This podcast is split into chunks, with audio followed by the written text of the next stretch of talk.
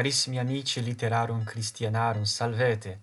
Benevenistis ad sedem nostram, ecce ixumus iterum, post longum intervallum, excusato mea beatis rogo, nam iterum non potui uh, pelliculas incidere per duos menses, quod superioribus diebus superioribus mensibus eram negociosissimus, et ut veram, ut verum dicam, aduc sum negociosissimus, nam nunc, tem nunc temporis, uh, sub eo pericula apud universitatem studiorum preteria etiam dissertationem meam ad lauream magistralem impetrandam scribo iam partem conscripsi super sunt alie due partes. Ergo multa sunt negotia expedienda sed inveni inveni occasionem ad anc pelliculam incidendam quod nollui litteras Christianas nollui a nostram sedem relinquere. Ergo ixumus rursus et in meo animo est odie vobiscum tractare pergere ilam seriem quae vocator pape et lingua latina. Iam tres pelliculas in lucem edidimus et nunc agredimur ad quartam pelliculam. Vidimus siricet duos pontifices et tria documenta exarata abis duobus pontificibus. Primum documentum fuit illud quod vocatur officiorum omnium, quod fuit exaratum a pontifice Pio undecimo, quod documentum non erat unice de lingua latina, et siam de alis rebus ad institutionem sacerdotalem pertinentibus uh, tractabat. Secundum documentum alterum fuit de vocabatur literarum latinarum, et hoc documento fuit tantum modo de lingua latina. Sed erat quasi occasio in qua pontifex debebat de litteris latinis loquid est condebat Ateneum ad litteras latinas docendas, de, discendas, apud universitatem Gregorianam, tunc temporis, et uh, illa occasione de litteris latinis locutus est.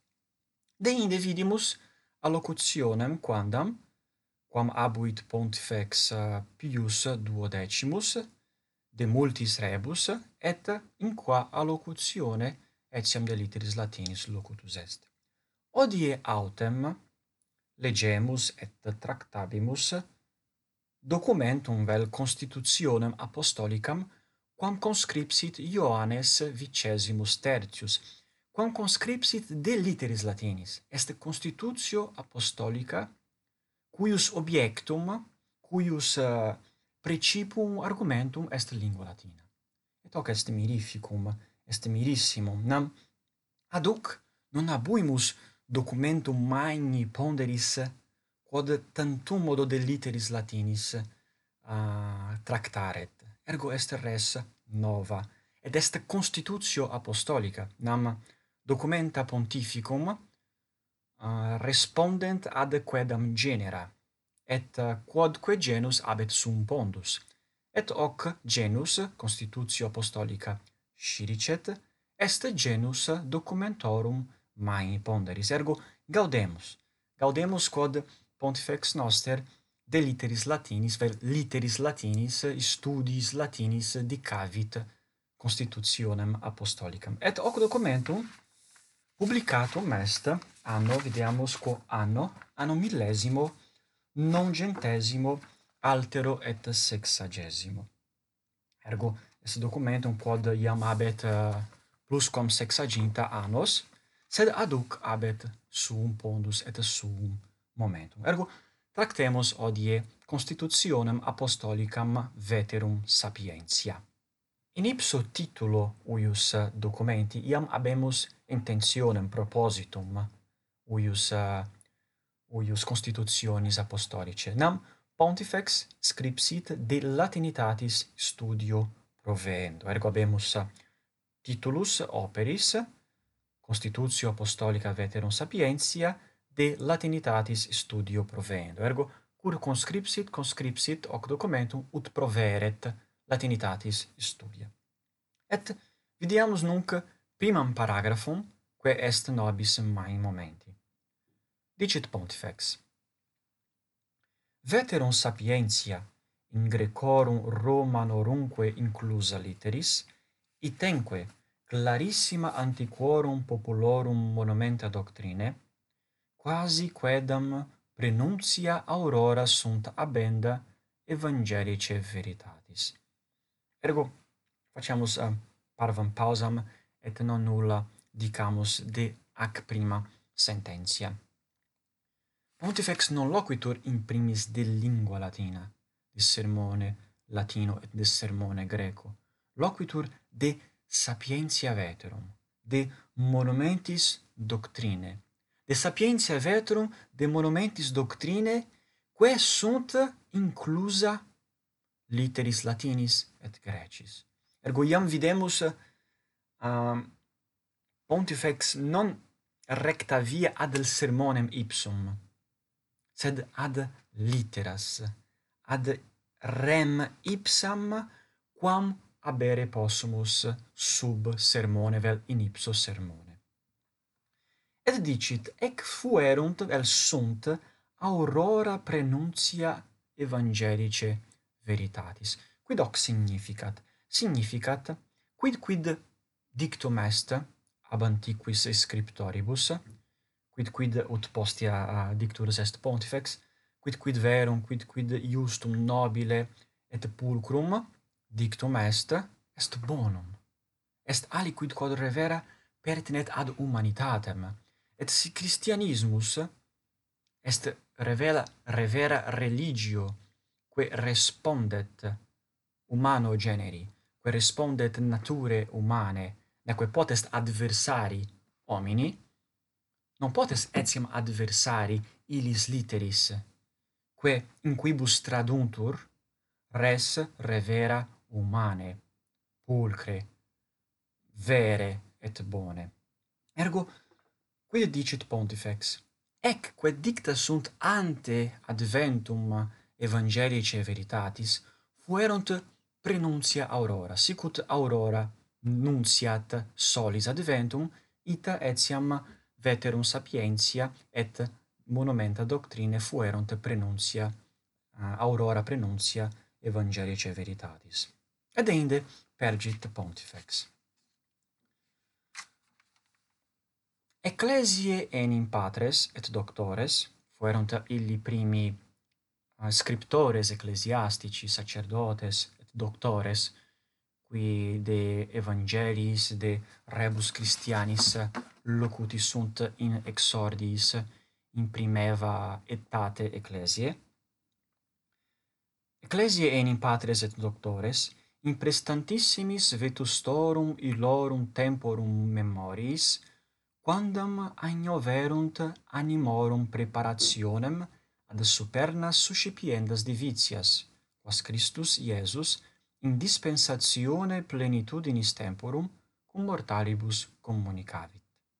Ex quo illud factum esse patet, ut in ordine rerum Christianarum instaurato, nil sane perierit, quod verum et justum et nobile denique pulcrum ante acta saecula peperissent. Bene, quid significat?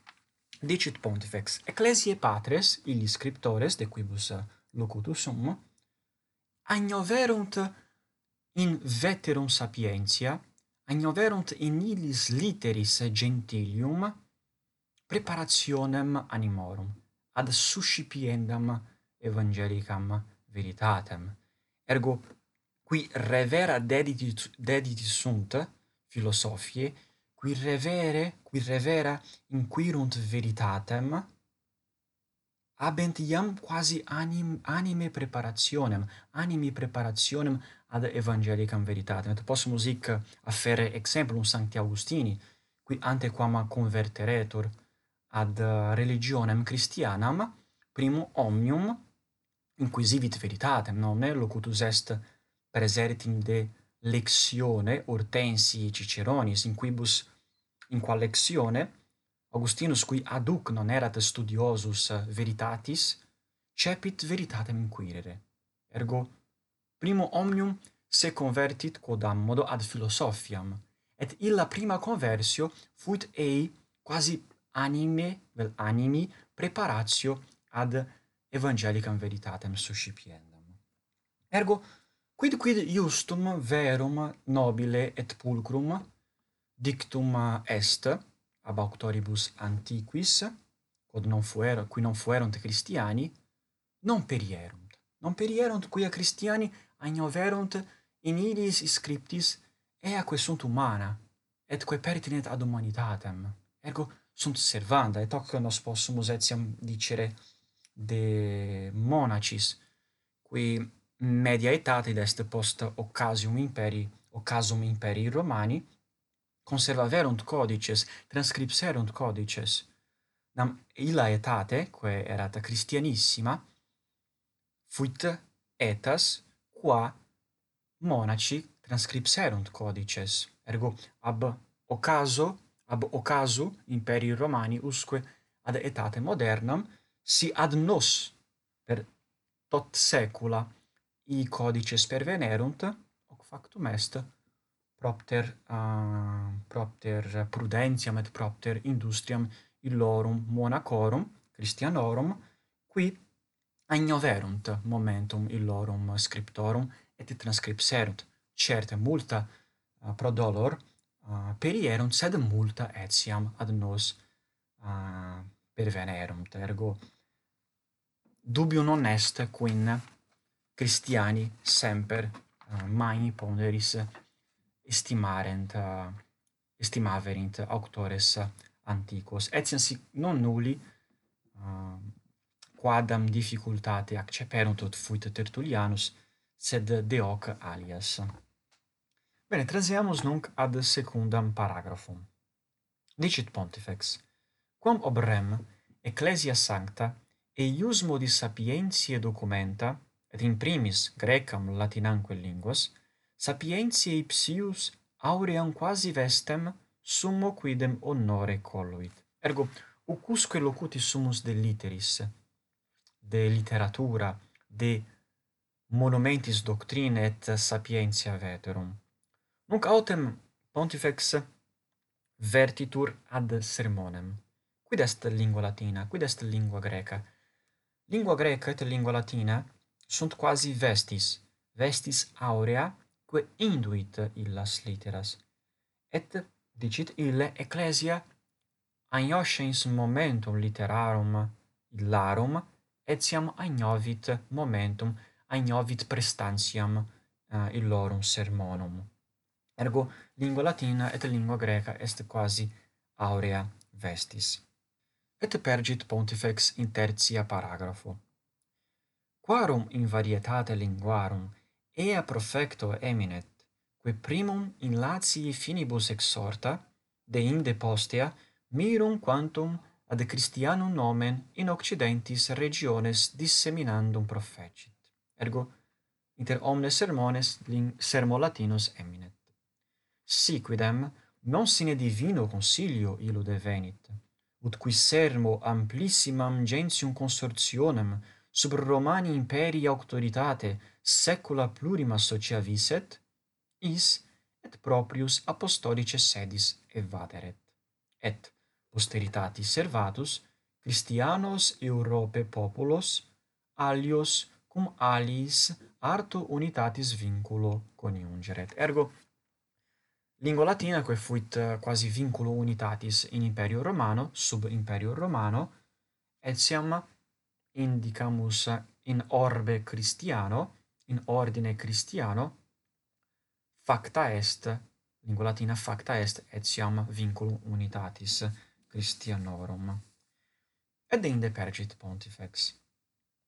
Sue enim sponte nature, lingua latina ad proveendum apud populos quos libet, omnem humanitatis cultum est per accommodata Ergo lingua latina, preteria, est lingua per accommodata ad proveendum humanitatis cultum. Cur, cur est per accommodata. Videamus quae sunt videamus quae sunt argumenta, quae sint argumenta.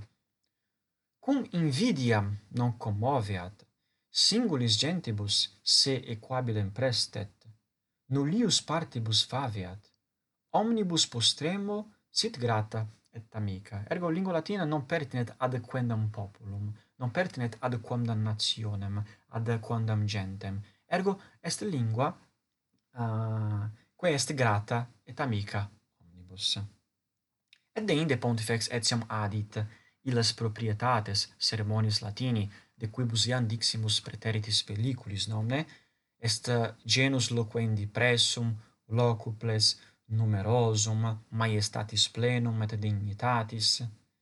Et in est in sermone latino magna nobilis conformatio et proprietas et cetera. Et de inde multa loquitur de illis proprietatibus lingue latine quae congruuntur cum proprietatibus ecclesiae nomne sic ut ecclesia est universalis, immutabilis et non vulgaris, lingua latina, quae habet tales proprietates optime respondet ad indolem ecclesiae ad naturam ecclesiae. Et omissis iis partibus de quibus iam uh, eh, tractavimus, pergamus ad aliam paragraphum in qua etiam pontifex loquitur de momento linguae latine ad ingenium puerorum ad ingenium juvenum erudiendum. Dicit ille, Neque vero, cuique in dubio esse potest, quin sive Romanorum sermoni, sive honestis litteris, ea vis insit, que ad tenera adolescentium ingenia erudienda et conformanda, perquam apposita ducator quipe qua tum principue mentis animique facultates exerciantur maturescant perficiantur tum mentis solertia acquatur iudicandique potestas. Tum pueridis intelligentia intelligentia aptius constituatur ad omnia recte complectenda et estimanda. Tum postremo summa ratione sive cogitare sive loquidiscator. Ergo preter uh, preter id quod iam diximus de lingua latina de momento literarum latinarum quae presertim atinet ad ad literas ad opera ad monumenta quae nobis reliquerunt uh, auctores antiquae etiam in lingua latina in est vis quedam quest mai momenti ad ingenium puerorum ad facultates iudicandi, ad solertiam mentis acuendam et cetera. Ergo Latina, Latina lingua etiam prodest discipulis anc ob causam. Pervenimus nunc ad postremam partem documenti, omissis ceteris rebus, et ea pars mea sententia est summi momenti, etiam si posita est iam in postrema, in postrema parte, mi videtur esse summi momenti. Cur, quia pontifex tangit, dicamus, uh, manum imitit invulnus, cur nos odie contemnimus, cur homines nostro tempore contennunt studia latinitatis, contennunt studia humanitatis, vel literas uh, eh, humanas. Et ire dicit, pro dolor sunt sat multi mira progressione artium ab enormiter capti, latinitatis studia, et alias ide genus disciplinas, repellere et coercere sibi sumant. Ergo multi homines capti ab enormiter id est preter modum progressione artium parvi preci vel unius assis estimat studia latinitatis studia quae pertinent ad hominem ad humanitatem. Et pontifex non adsentitur is hominibus. Ac ipsa impellente necessitate contrarium prosequendum it resse putamus nos putamus ducimus contrarium iter prosequendum. Cur? Cum prorsus in animo id insidiat quod magis natura et dignitate hominis dignum sit ardentius acquirendum est id quod animum collat et ornet ergo bene progressio artium prodest hominibus. Sed id quod revera animum hominum collit et ornat est studium literarum. Non collit animum hominis studium rerum physicarum prodest prorsus. Studium rerum naturalium, prodest, non, dubium non est, in prosit, sed id quod revera pertinet ad humanitatem, quod reveret pertinet ad indolem humanam, est studium humanitatis, est illa doctrina, quae aduc valida est, quod non pertinet ad adiuncta rerum, non pertinet ad quendam etatem, sed pertinet ad indolem hominum, quae semper idem est. Transactis seculis semper manet eadem indoles. Ergo homo est idem. Ne miseri mortales, dicit Pontifex, similiter ac e quas fabricantur machinae, algidi, duri, et amoris expertes existant. Ergo, si nos favemus uic progressioni abnormiter preter modum, et despicimus, et parvi preci facimus, studia latinitatis et studia literarum, nos fimus algidi, frigidi, duri, et expertes amoris.